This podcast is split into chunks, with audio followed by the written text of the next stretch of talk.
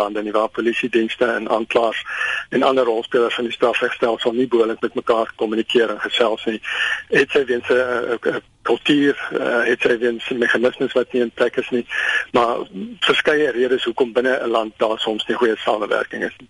Andersins op internasionale vlak uh, waar misdaad veral meer as een jurisdiksie betrek transnasionaal van aard is, is daar verskeie redes. Um, soms nie goeie bilaterale samewerkingsooreenkomste nie, multilaterale ooreenkomste wat nie behoorlik geïmplementeer word nie, wantroue tussen uh, tussen lande dis geweldige tegniese aard van samewerking uh, rondom uitlewering en konfiskering van uh, opbrengste van misdaad. En soms is daar eenvoudig nie goeie diplomatieke verhouding nie. Maar dit is ons werk om toe te sien dat uh, dat daar 'n verbetering van samewerking op al hierdie terreine is. Johan, jou fokus is nou op transnasionale georganiseerde misdaad. Wat behels dit? My taak tans is om die die Verenigde Nasies kantoor vir dwelmse misdaadsprogramme teen transnasionale georganiseerde misdaad, maar ook terrorisme te ontwikkel en toe te sien dat dit geïmplementeer word in Oos-Afrika. Uh, dit dit sluit in die ondertekening en ratifisering van die verskeie VN-konvensies, spesifiek die VN-konvensie teen transnasionale georganiseerde misdaad en die ongeveer 19 terrorisme-konvensies. Uh, en om toe te sien dat lidlande dit dit behoorlik toepas om hulle tegniese vermoë te versterk teen teen middel van kennis en toerusting uh, om om hulle vermoë te bied om dit te implementeer.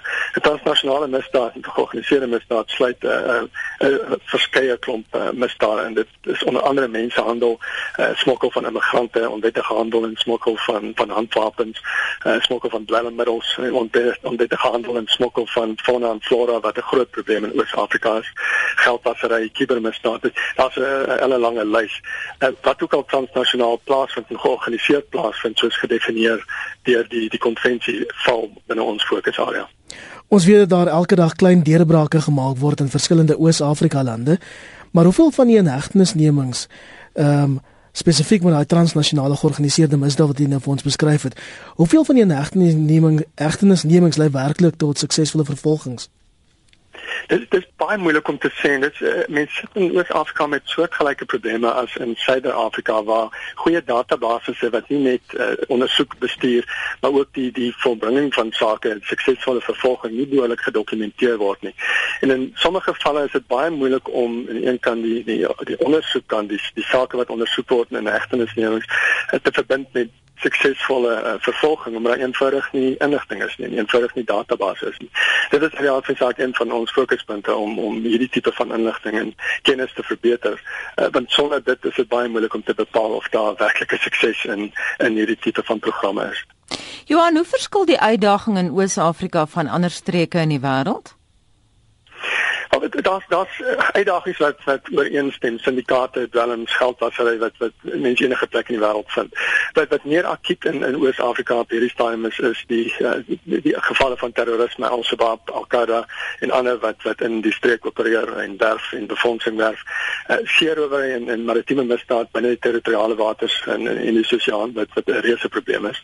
En dan baie spesifieke onwettige handel in in smokkelroutes rondom ehm um, uh fauna en flora uh, dwelms in en uit die die die streek en raakpunte met ander transnasionaal georganiseerde misdaad en, en terrorisme rondom befondsing die mense uh, wat wat uh, gebruik word daar binne en en hoe hulle opereer. Ja, daar's daar's baie fyn lyn tussen misdaad en skiet dan terrorisme in hierdie omgewing.